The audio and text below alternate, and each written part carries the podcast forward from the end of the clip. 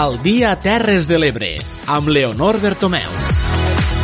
Tal com us hem vingut explicant en els darrers dies, mentre dure l'estat d'alarma pel coronavirus, mantindrem una edició especial del Dia Terres de l'Ebre amb una durada de només una hora en la que centrarem els nostres esforços en mantindre el nostre deure de servei públic i oferir a la nostra audiència tota la informació relativa a la crisi del Covid-19 a casa nostra.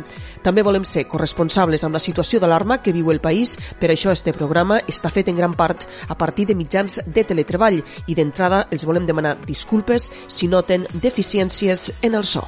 L'Aldia Terres de l'Ebre el podran escoltar en reemissió les pròximes hores a les seues emissores municipals de capçalera. Comencem ja amb els titulars d'avui dimecres, 18 de març, dia 6 de confinament de la població i dia 4 de l'estat d'alarma pel coronavirus.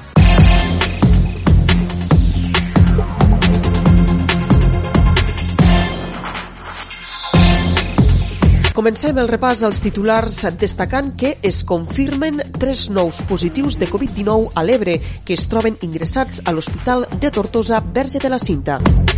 Satisfacció entre el personal sanitari dels hospitals ebrencs per la planificació de la crisi del coronavirus. Les persones treballadores autònomes a Catalunya podran rebre fins a 2.000 euros per haver interromput la seva activitat econòmica pel coronavirus. L'Ajuntament d'Amposta posa en marxa un servei de voluntariat per donar suport a les persones més vulnerables.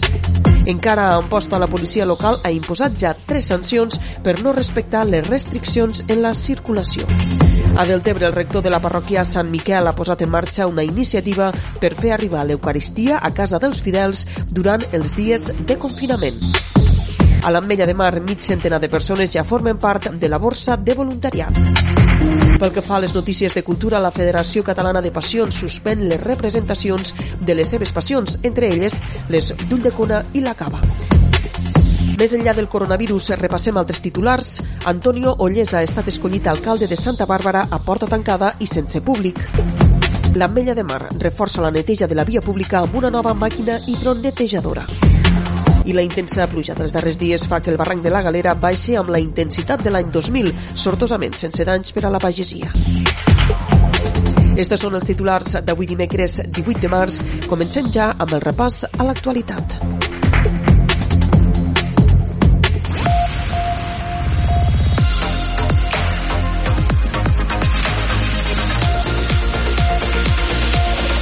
Al dia, les notícies de les Terres de l'Ebre.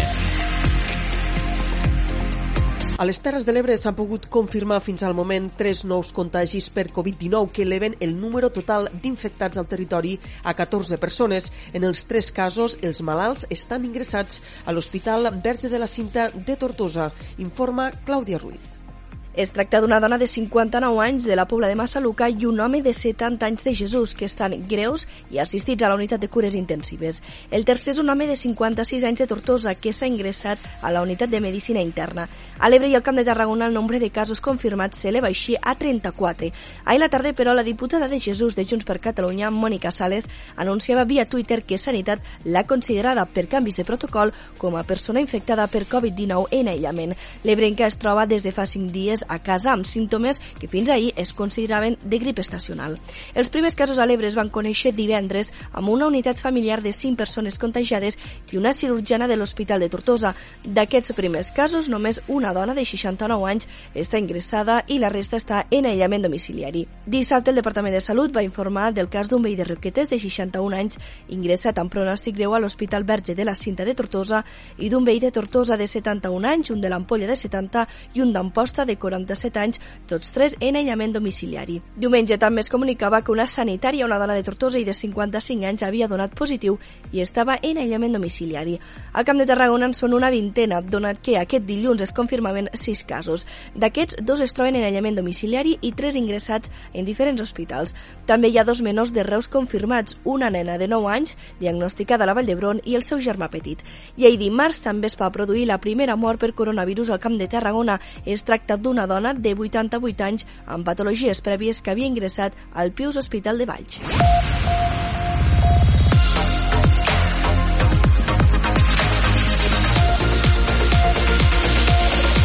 Al dia. Gràcies, Clàudia. Aquesta és la notícia més important que hem destacat avui a l'Aldia Terres de l'Ebre. Seguim repassant l'actualitat i molt centrada, com no, amb el coronavirus. Els sanitaris dels hospitals de les Terres de l'Ebre s'han mostrat satisfets per la planificació de la crisi del Covid-19 al territori. S'han planificat torns de confinament per assegurar la disponibilitat del personal sanitari. D'altra banda, l'Hospital Verge de la Cinta serà el beneficiari de la donació ebrenca que ha fet la Fundació Port Aventura. Ens informa ara des de Ràdio Tortosa, Núria Mora. El personal sanitari dels hospitals de les Terres de l'Ebre assegura que els plans de contingència i l'abastament d'equips de protecció que s'han preparat per atendre els pacients sospitosos o positius per Covid-19 són els correctes. Els hospitals han planificat torns de confinament per assegurar la disponibilitat de personal per si la situació es complica i s'està reubicant a aquells que treballaven en àrees i serveis que s'han tancat.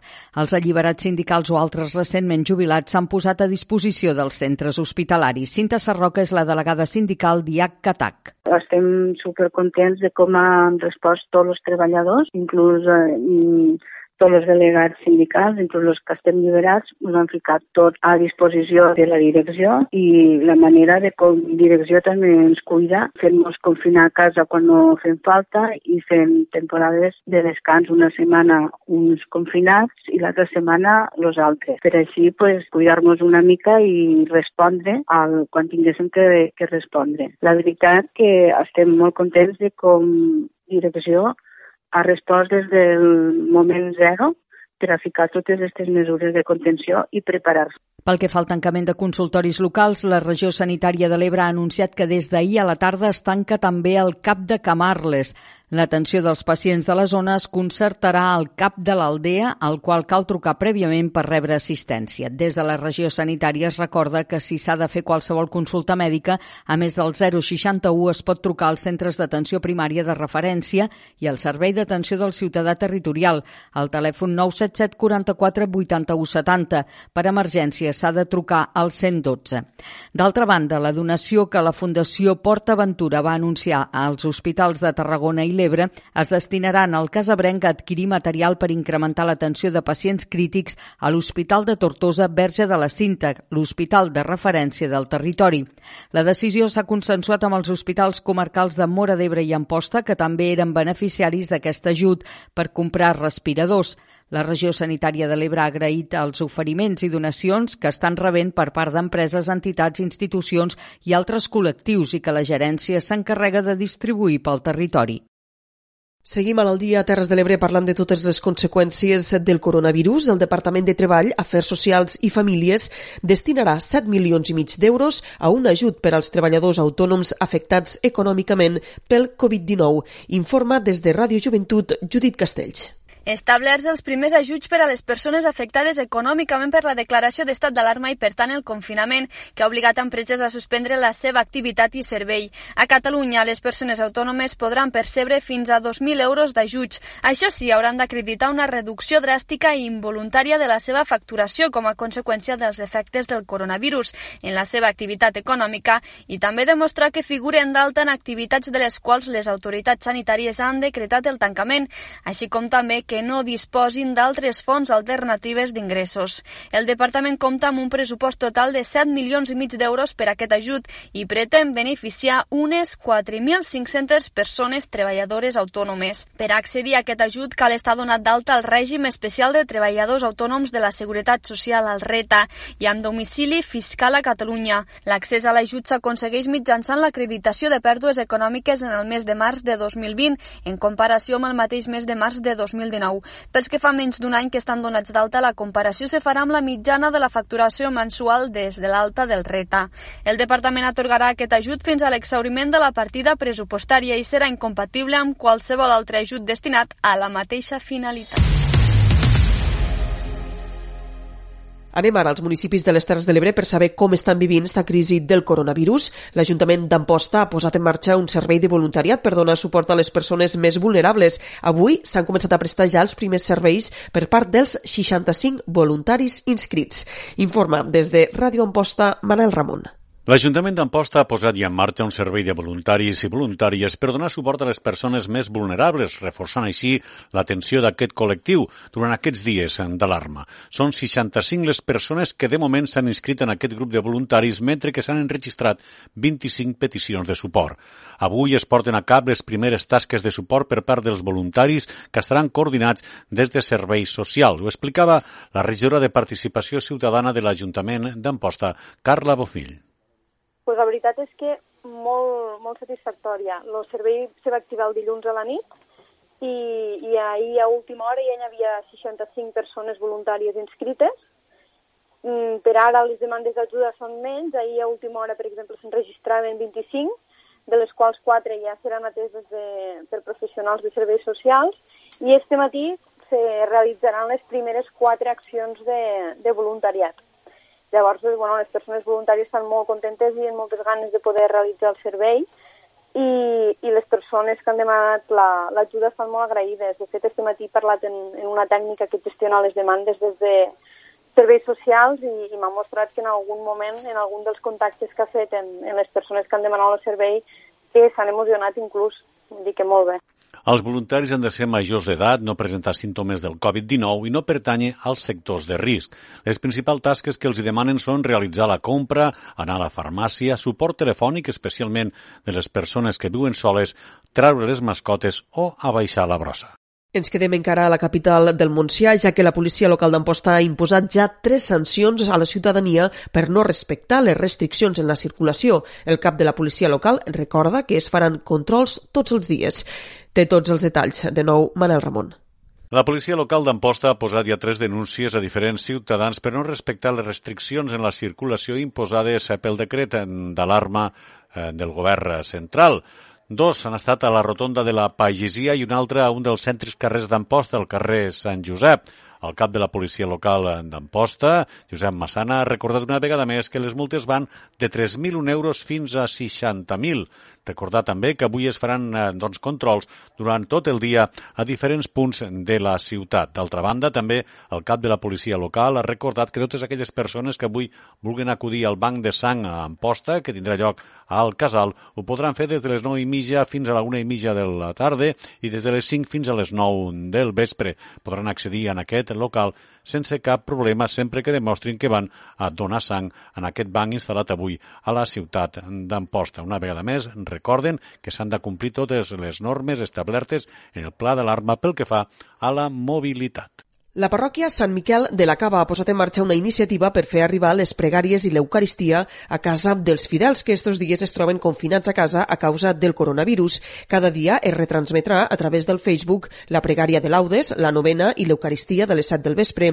A més, dimecres i divendres es farà el tradicional Via Creu, entre d'altres pregàries en motiu de la Quaresma. Cada setmana es retransmetrà, a més, la missa dels diumenges a les 11 del matí. El rector de la parròquia de Deltebre, Joan Guerola, ha recordat que ens trobem en un moment excepcional, amb les esglésies tancades i la ciutadania confinada i que les xarxes socials seran el mitjà que faran servir per arribar a la casa dels fidels. Intentarem, en els nostres mitjans, fer-nos presents a les cases de totes aquestes persones que normalment participen aquí a la parròquia, especialment també pels malalts, per aquells que són de risc, aquells que no poden sortir.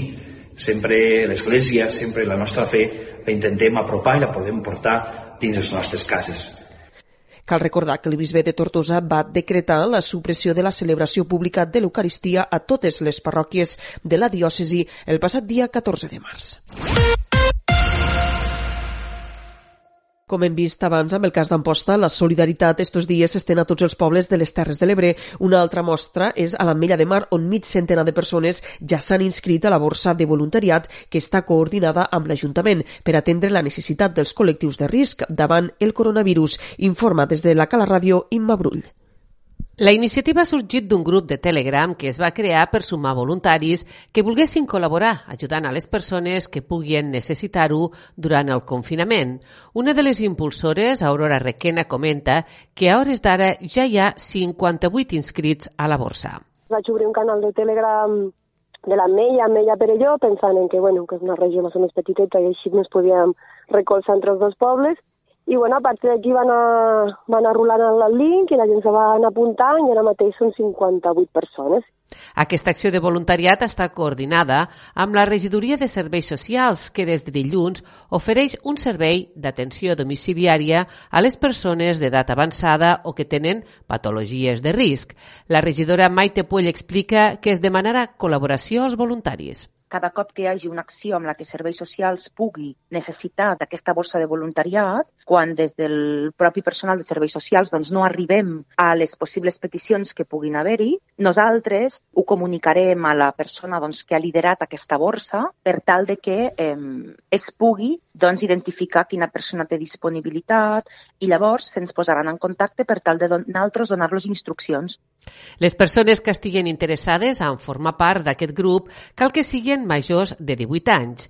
Per apuntar-se a la borsa es pot omplir un formulari per internet a ametllamar.cat barra borsa voluntariat o bé trucar o enviar un WhatsApp al 621 22 45 54.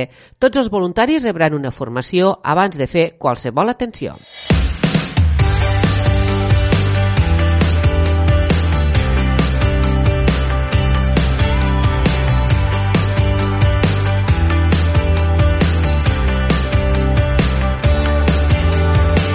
Les cooperatives agràries de Catalunya i de les Terres de l'Ebre continuen treballant malgrat l'estat d'alarma pel coronavirus amb l'objectiu de garantir la provisió d'aliments a la població. Així, malgrat el confinament generalitzat de la població, els centres de producció de les cooperatives mantenen una activitat relativament normal. És més, en alguns casos, com les cooperatives arrosseres del Delta de l'Ebre, fins i tot s'ha intensificat els torns per poder abastir la demanda existent del mercat. Per ampliar aquesta informació, saludem ara al president d'Arrossaires del Delta de l'Ebre, Jordi Casanova. Bon dia. Bon dia. Quina és la situació ara mateix a la cooperativa? Estan treballant a marxes forçades per garantir l'arribada d'arròs al mercat? A veure, nosaltres el que hem fet ha sigut, un, des del divendres passat, hi ha un pla de control de, del personal que està treballant a, a la cooperativa. En tenim des del dilluns derivades les persones que poden treballar des de casa, altres que ben imprescindibles no tindre tots i, i també que estiguin a casa i llavors han mantingut el personal, que és el que més, més està treballant és el personal de fàbrica perquè hi ha una forta demanda del que, sobretot la gran distribució de comandes d'arròs. L'arròs és un aliment bàsic que és al, al mercat i la demanda és eh, exagerada. L'arròs, ara ho deies, és un producte de primera necessitat i s'ha produït este fort increment de la demanda durant la crisi del coronavirus.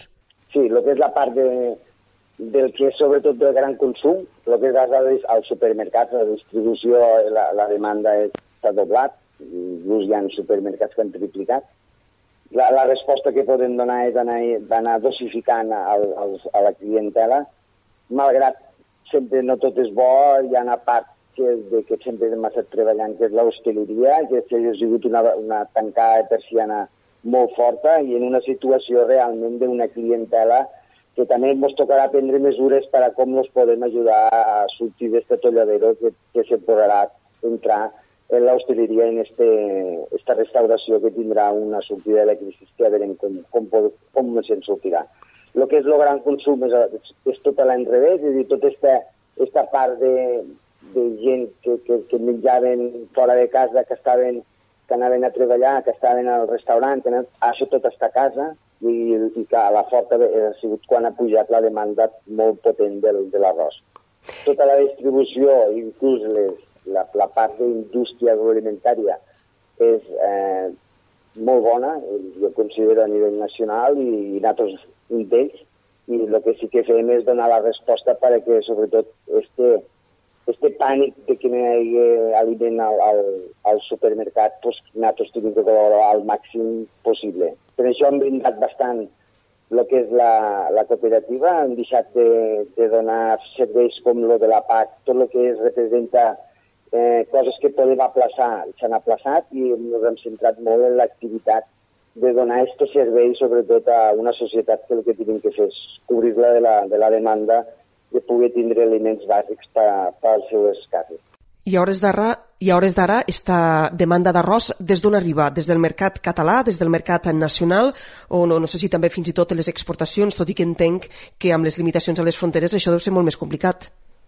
bàsicament ha sigut tot el, és, és la mateixa clientela que tens, e, és la que, que tens que servir, és a dir, lo que està clar que és a nivell, nacio, és a nivell nacional, ja sabeu que nosaltres hem operat moltíssim, jo que operar la quota de mercat més potent és a Catalunya, i a veure, nosaltres és cobrir les necessitats de la clientela existent, no estem parlant ja de, de mercats nous, sinó al contrari, és a dir, el nostre client, lo, lo que, que subministra al nostre client, que és el que li tenim que donar a los serveis. Estem parlant de que els mateixos clients, els mateixos supermercats, els mateixos, la gran distribució que tenim estan operant, han intensificat les seves comandes per donar resposta a, a, a aquesta demanda tan forta que hi ha hagut. Sembla que hi ha un pànic generalitzat al desabastiment d'aliments i tots hem vist imatges per la televisió de gent acaparant aliments. Podem garantir que hi ha estoc suficient d'arròs per, per abastir a la demanda que hi ha actualment?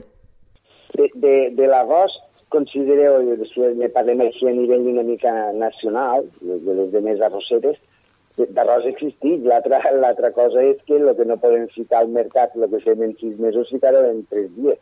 Això és impossible. El que passa que, a veure, jo suposo que aquesta forta demanda inclús que han intensificat doblant tots més o menys la producció, arriba un moment que se tranquil·litza i que el, mercat estigui vestit en tota normalitat i que agaféssim el dia a dia amb més naturalitat. El que passa és que, a veure, les notícies que estan que estem rebent des del mateix govern i del que està passant en el coronavirus, tot això també farà que la gent se tranquil·litzi més o que, que vaiga, estiren més d'estos lineals. El que està clar és que el consumidor que abans anava al, al consumir al canal d'hostaleria i d'altres maneres de consum, ara tothom va al consum de la llar i, i vol tindre el seu producte a casa. I he dit, potser aquests desplaçaments que han hagut de, de com s'administra la, la, la, la indústria cap als canals, per exemple, un canal d'hostaleria que pràcticament no ven, ja no es ven res, i al contrari és un sector que tindrem que prendre mesures per veure com l'ajudem a sortir d'este atolladero tan potent, que són clients que, que hem de dir clar que hem apostat sempre i, i però esto estan patint, sin embargo, l'ATE s'ha passat tota la demanda cap al canal de, de, de la distribució, que estos, pues, clar, allí estem abastint de, de manera diferent i, i, i és doblar allí pues, pues, no és fàcil. Esta crisi del coronavirus ha arribat en un moment en què el sector arrosser podríem dir que estava pensant ja en començar la campanya de l'arròs d'enguany, que sol començar a finals d'abril amb la inundació dels camps. Afectarà este confinament a la campanya? Ho pot retardar o els pagesos podran anar a treballar igualment els camps? A veure, el tema de que pot afectar és un tema climatològic, que és el que sempre que estem pendents el que és el pagès. A part d'això del coronavirus, aquestes eh, labors que es fan als camps normalment ja són feines que es fan aïllades, no, no són gent que, que estiguin concentrats, al contrari, cada un treballa al seu espai. I després el que és tindrem que vetllar és que el subministrament que poguessin tindre de, de llavors, dels adobs, però bueno, això, per exemple, del tema de llavors ja pràcticament tenim el 80% a la cooperativa, va falta el tema d'abonats, que clar, això també depèn de fàbriques i depèn de molts de factors que esperem que, que estigui en la normalitat quan vingui d'aquests moments que pugui tot això tirar endavant, perquè eh, la magnitud no podem dir que no, no, no tindrem cap conseqüència perquè tot això comença, ha començat ara i, i realment tampoc no sabem, tots depenem d'algú, no? És a dir, necessitarem gasoll, necessitarem abonat, necessitarem llavor, necessitarem, i no depèn de tu sol, que sinó que estem dins d'una societat i, i, i espero que poguéssim anar trampillant i que tiréssim endavant la collita com, com qualsevol que tindrà que tirar avant el seu negoci. Estirem pendents de l'evolució del sector de l'arròs amb la crisi del coronavirus. Moltes gràcies, Jordi Casanova, president d'Arrossaires del Delta de l'Ebre, per atendre la trucada del Dia Terres de l'Ebre. Fins una altra. Vinga, adéu-siau.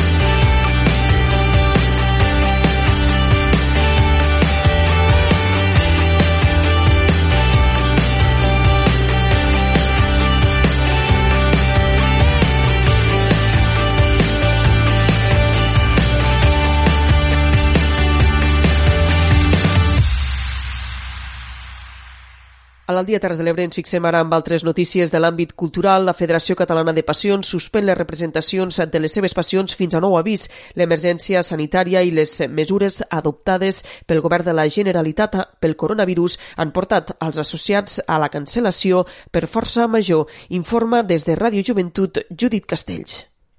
Després d'una presentació al Palau de la Generalitat, els associats de la Federació Catalana de Passions han anunciat que ajornen les representacions de les passions. La decisió ha estat presa per unanimitat després d'una reunió d'urgència per videoconferència entre els diferents associats per decidir què fer davant l'emergència sanitària i l'adopció de les mesures decretades per la Generalitat.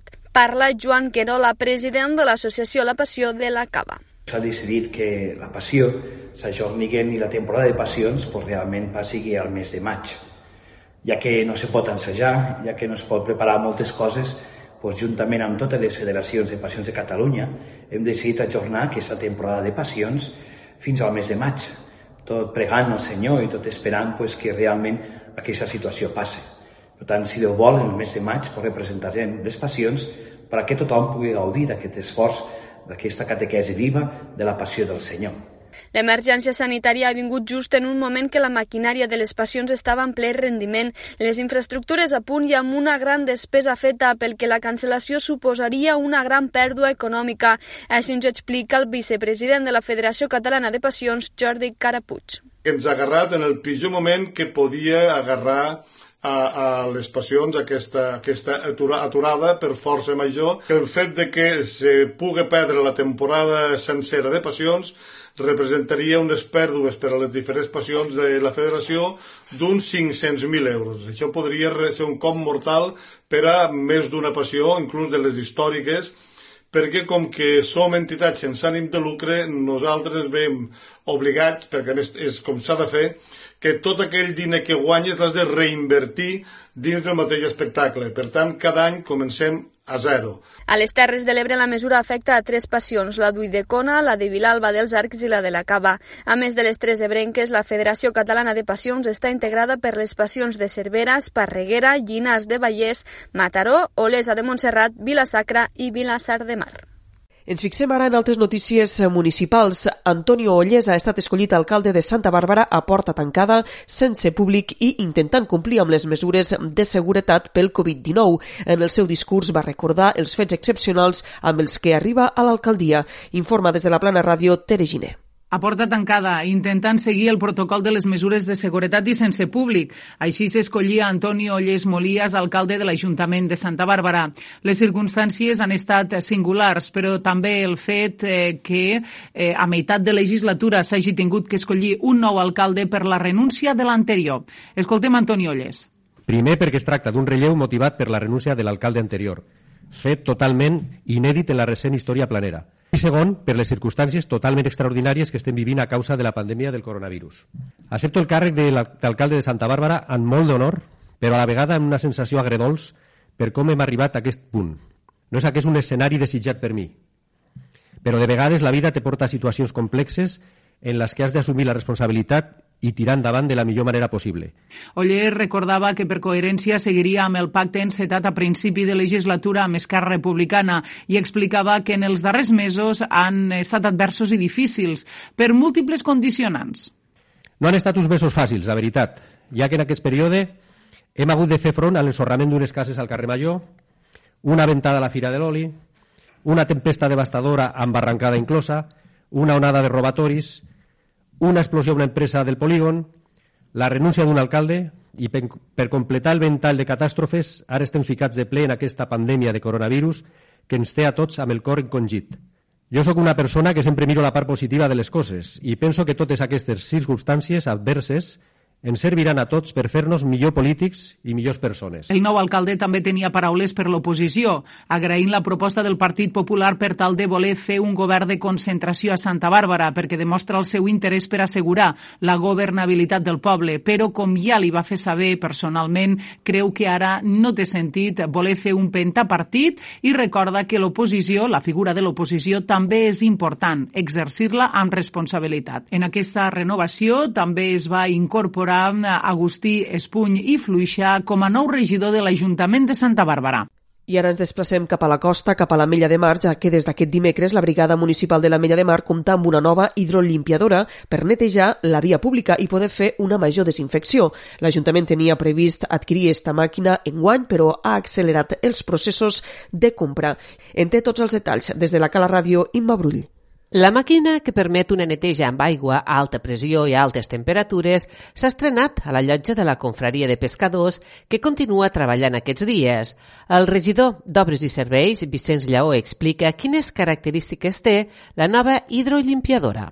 És una, una màquina a més de 150 quilos de pressió, 150 que pot arribar als 200 i que pot treballar fins a 120 graus de, de, de temperatura, pot treballar amb, do, amb, amb dos braços, diguéssim, a, per dos bandes, o sigui, els dos, dos operaris la poden fer al mateix temps i això accelera més la neteja d'una plaça i, a més a més, que és la cosa important, eh, pot treballar en aigua calenta, això accelera pues, la neteja i, sobretot, pues, la desinfecció, no?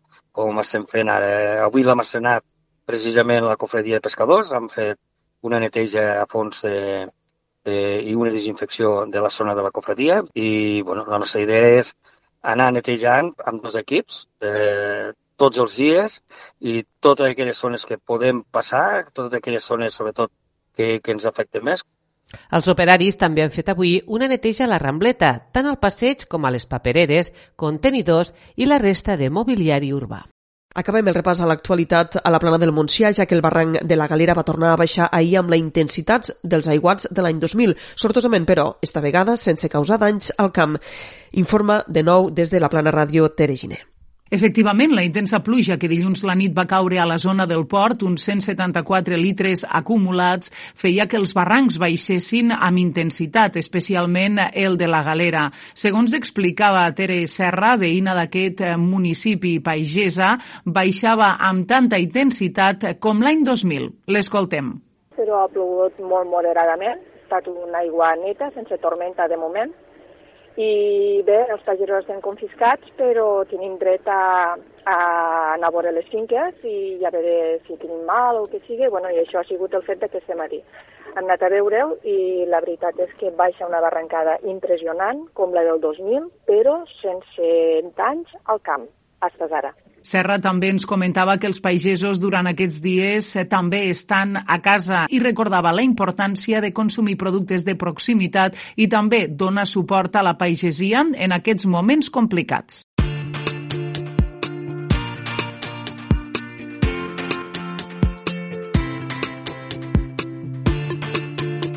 I avui estrenem una nova secció a l'Aldia Terres de l'Ebre on cada dia intentarem apropar-nos a aquelles situacions més anecdòtiques, més particulars que ens deixa la crisi del coronavirus. Avui, Clàudia Ruiz, de Ràdio Tortosa, ens porta el cas d'una parella que ha tingut que suspendre la seva boda que s'havia de celebrar al mes d'abril. És així, no, Clàudia Ruiz? Explica'ns. Aquest episodi de confinament ha agafat a molts desprevingudament. Vols cancel·lats, plans ajornats, però també hi ha parelles que d'aquí uns dies o setmanes tenien pensat casar-se i que l'arribada de la pandèmia els hi ha fet trontollar tots aquests plans. Avui volem parlar amb una d'aquestes parelles. Són Xavier Fonollosa, de la Sènia, i Esther Sabater, Tortosa. Bon dia. Bon dia. Hola, bon dia. Bé, com esteu vivint primer que tot esta situació? Sou dels que us toca confinar-vos a casa? Mig, mig.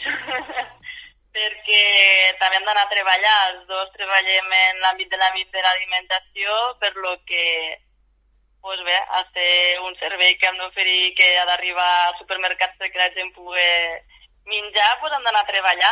Això sí, la resta d'hores del dia estem a casa. Bé, exactament. Per quan teníeu plantejat poder-vos casar? Pues la data de boda és, bueno, era el 4 d'abril i bé, eh, va ser tot molt ràpid i vam tindre que prendre la decisió en qüestió d'hores perquè veiem que els aconteixements ens anaven superant per moments. Vull dir, tantes cancel·lacions tant de cop i sortia les notícies tantes de tema de confinament i tot i bueno, al final va ser, va ser molt ràpid. Sí, perquè el 4 d'abril és d'aquí unes setmanes i entenc que no esteu segurs, no?, que la situació hagi millorat. No, és que veiem que la situació pot anar empitjorant inclús et trobes dins unes setmanes en què et pots trobar que els convidats no puguin ni venir per trobar-se o malament o no, o tenir inclús temor o no poder ni celebrar-ho perquè no deixaran i no deixar com ara, no? No pots, no servei dels bars i restaurants no poden exercir, per tant tampoc pots fer la celebració del convit. Mm. A quin punt comenceu a patir que tot això no pugui tirar endavant el casament i també quan decidiu que finalment ja no s'arriba a celebrar en la data que volíeu? Pues, bueno, com t'he comentat abans, ha sigut qüestió d'hores, perquè el dijous estàvem, eh, quan vam arribar a casa després de treballar, ens vam assentar i vam començar a parlar-ho, i ja ho teníem bastant assumit que, que no es podria fer, i el dia següent ja al matí tot en totes les notícies que van anar sortint doncs mos vam trucar, cada un a la seva feina i, i jo ja mateix al migdia vaig tindre que anar personalment al restaurant a parlar amb ells i bueno, a posposar-ho per, per a més avant, però ja et dic, fins que no... Jo, jo no, no mos havíem fet la idea ni quan aquell dijous de tarda mos ho vam plantejar. Mm. La idea mos vam fer quan vam començar eh, a comentar-ho a familiars propers, als amics, llavors sí que quan veies pues, tots els, els missatges i trucades d'apollo, pues, llavors sí que vam dir, hòstia, merda, que això ja s'ha cancel·lat i, i ja no hi ha marxa atrás. Clar, ja heu parlat amb el restaurant, suposo que fotògraf, no sé si tots aquests serveis us ho han posat fàcil en aquest cas. Sí, no hi ha hagut massa problema, la veritat és que tothom ha ficat de la seva part i tots ens han respectat, les reserves fetes i tot, o els adelantaments que haguem fet, per a poder-ho posposar-ho per un altre dia i que ho poguéssim acordar entre tots i cap problema, la veritat és que molt bé. Mm. En aquest sentit, tots hem ficat la nostra part humana i que és important. També hem tingut sort aquí de que, clar, al ser encara el 4 d'abril, que queda una mica, moltes coses, com per exemple el restaurant, doncs ho han pogut dir a temps i no han tingut ells encara que comprar la matèria prima o, o altres coses com el viatge, això també ho han pogut cancel·lar suficientment a temps i bueno, en aquest cas no tenim cap penalització econòmica com, no sé, descú desconec, eh, però possiblement algú que s'hagi trobat ja pràcticament el mateix cap de setmana o el posterior, eh, eh, imagino que serà més complicat de gestionar.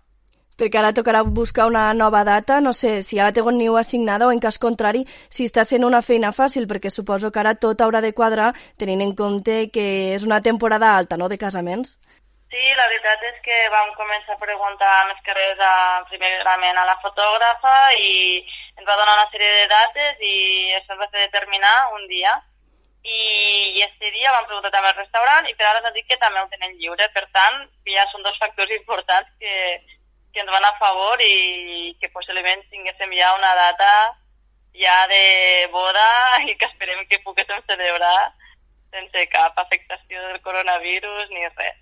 Si I el tema viatge igual, vull dir, si potser el farem amb ordres diferents, si primer es boda després es viatge, doncs potser serà al revés, però bé, mm, com que també ens han pogut ficar fàcil en el sentit de que no ens han pagat taxes per canviar de dates, pues bé, si ho fem abans per temes que ens vagi millor, pues cap problema. Mm. I en aquest sentit no ens podem queixar, la veritat. Molt bé, coneixeu altres parelles que s'han pogut trobar en el mateix cas que vosaltres? Sí, precisament jo tinc un, un company de, de carrera que vam estudiar junts a, a Lleida, que precisament anàvem la setmana abans de la nostra boda, anàvem a Lleida, a la seva, i, i també la tinc que cancel·lar i posposar. També hi han posat una altra data i bueno, esperem que en aquesta pròxima data, de cara ja a l'estiu i, i de cara a la tardor, pues, se pugui anar fent tot, perquè imagino que hi haurà acumulació.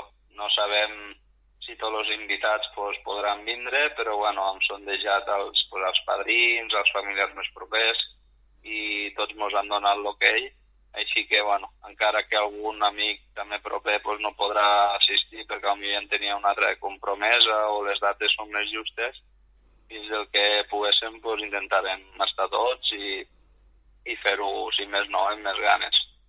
Molt bé, moltes gràcies Javier i Esther, una d'aquestes parelles que, degut a la situació que vivim amb la pandèmia del coronavirus, han hagut d'ajornar el seu casament. Gràcies per explicar-nos la vostra experiència i sobretot que pugueu celebrar-ho properament com toca. Molt bé, gràcies, Clàudia.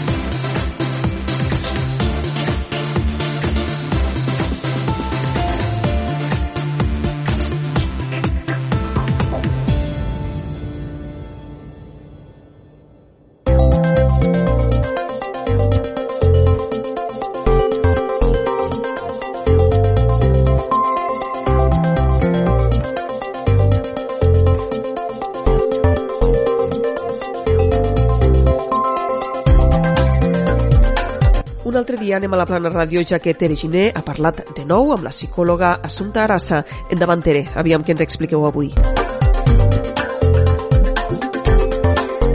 Avui, en l'espai de psicologia, aprendrem a desviar l'atenció. Aquest espai que us oferim de psicologia en temps de coronavirus, ho podríem dir d'aquesta manera. Desviar l'atenció és això, centrar-nos molt en una cosa i sortir dels pensaments que ens fan mal.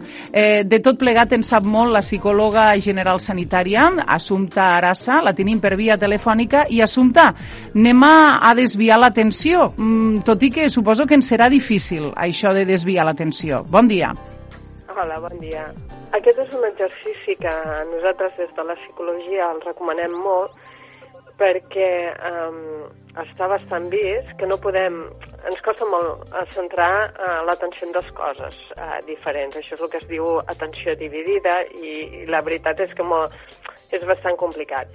Si a més a més ens centrem molt, molt, molt en una cosa, eh, els pensaments negatius eh, se'n van, de, es desvaneixen i queda només... Eh, eh, s'omple tot el pensament i tota la, la nostra manera d'aquells moments de pensar en allò concretament que ens estem centrant.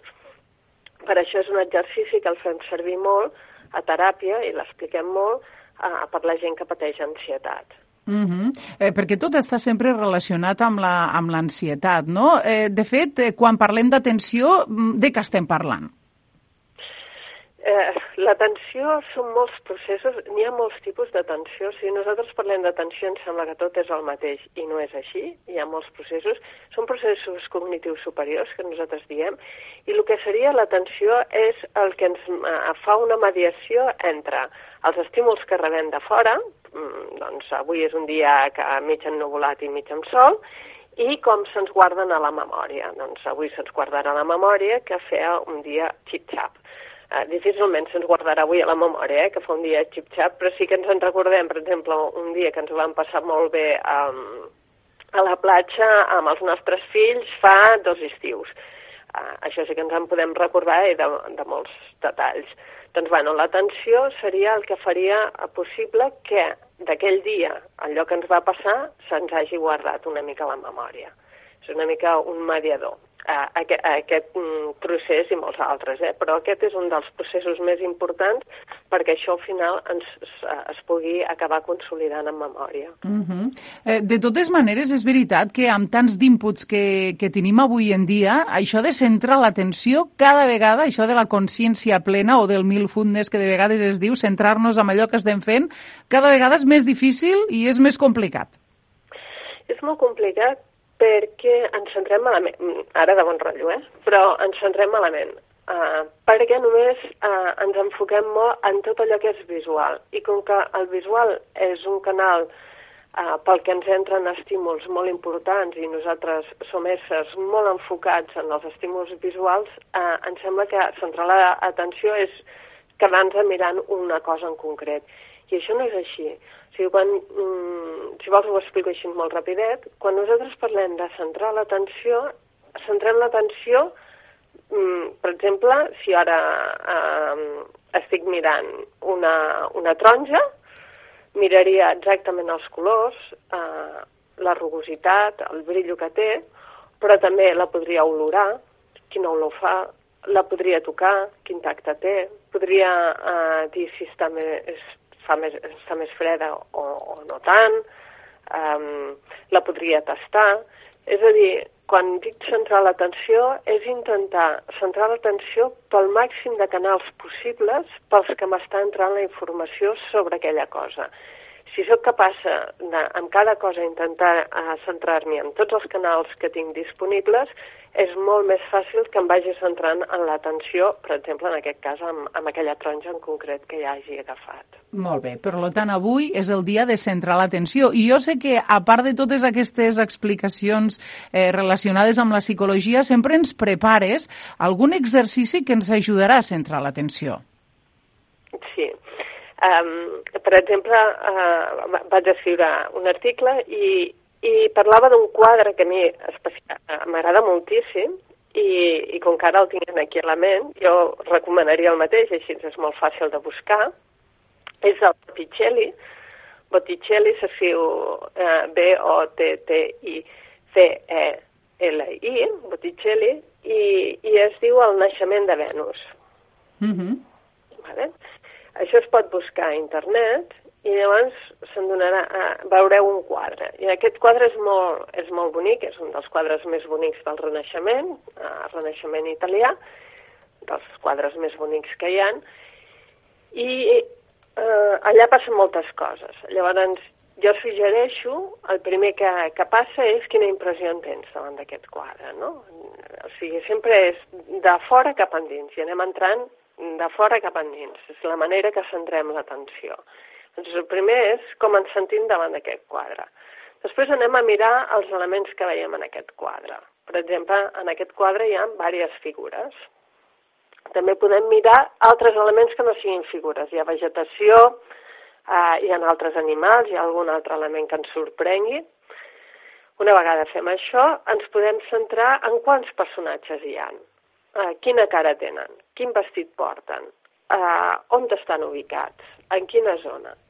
Quan ho tinguem tot això fet, que això és una mica el que suggeria, llavors eh, podríem pensar si ens aboca en algun record nostre on estiguéssim en una situació bastant semblant. Llavors, quan haguem intentat entrar en aquest record, eh, jo suggeria que amb tot això eh, anéssim a buscar fotos que tinguéssim de, de vacances o de més i anéssim a mirar de fer una mica el mateix exercici. Molt bé. Centrant-nos eh, tant eh, el visual, no? el que deia el visual, si per exemple si jo ara penso en una foto de, de les vacances de fa dos anys eh, amb la meva amiga eh, que estàvem a Cap Roig, hi havia diversos amics, però eh, cada dia, com que és de l'ampolla, anàvem a Cap Roig, en allà puc recordar el mar, eh, el sol, la terrassa, el vermut que ens fèiem, o sigui, el gust del vermut quasi el puc tastar, és a dir, eh, mirant una foto podria evocar tots, tots, tots aquests records. Uh -huh. eh, veritablement és així, no? Mirant la, la imatge, el que evoca, mirant el naixement de Venus, el que t'evoca és aquests records, a més a més has escollit un, un dels millors quadres, aquests records de, de l'estiu no? i del mar. Què aconseguirem amb això per a nosaltres mateixos? El tindre aquesta, el centrar-nos, l'aconseguir aquesta eh, tensió plena, eh, atenció plena, que és el que, que s'aconsegueix per, a, per a nosaltres? Per al nostre organisme. El que aconseguim és desviar l'atenció d'aquest eh, eh, eh, d'aquests pensaments angoixants que probablement aquests dies en algun moment estem tenint. El segon que farem serà parar una mica, que és molt important el que esteu fent vosaltres als mitjans de comunicació, eh? realment és molt important.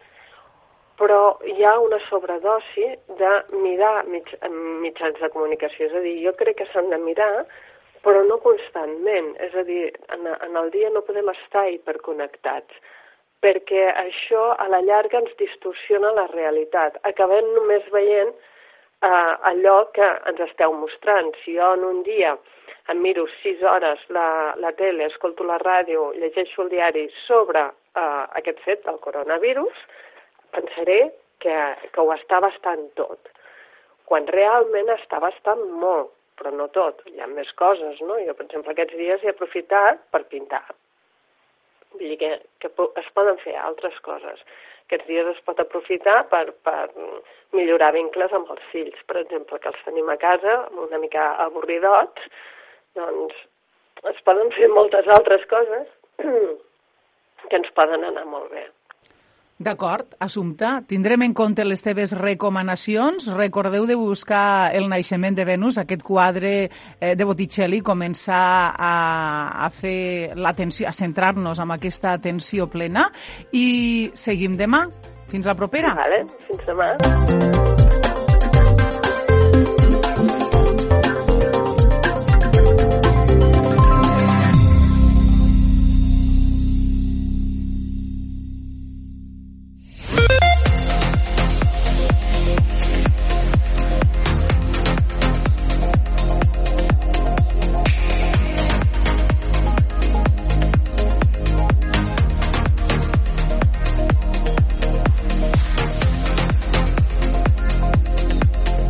I abans d'acabar l'edició d'avui de l'Ebre al dia ens fixem en la compareixença que el president del govern espanyol, Pedro Sánchez, ha fet este matí al Congrés dels Diputats amb un hemicicle gairebé buit per defensar les mesures de l'estat d'alarma i fer una crida a la unitat política i social en la batalla, ha dit, contra el virus. Ha demanat el suport de tots els grups a uns nous pressupostos de recuperació que posaran l'accent en els serveis socials.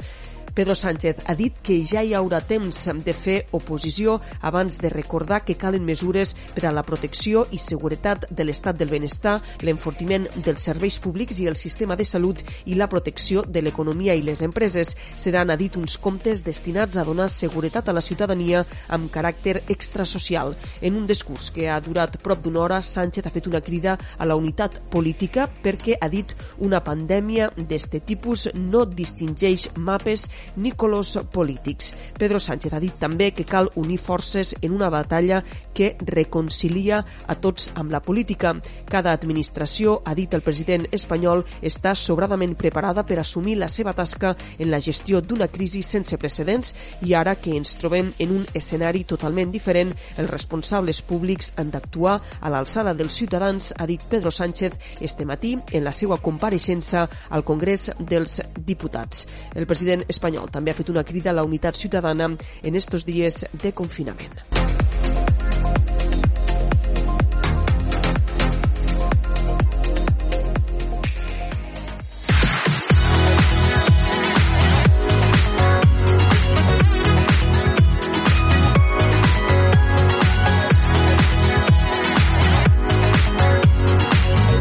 Al dia Terres de l'Ebre, amb Leonor Bertomeu. I amb aquestes paraules del president espanyol arribem al final del nostre programa. Gràcies un dia més per la seva atenció. Ja saben que el Dia Terres de l'Ebre és un programa que fem conjuntament la Cala Ràdio, Ràdio Tortosa, Amposta Ràdio, Ràdio Joventut, La Plana Ràdio i Ràdio Delta. Ens retrobem demà, com cada dia, a la una del migdia, a l'Aldia Terres de l'Ebre. Fins demà. Una abraçada.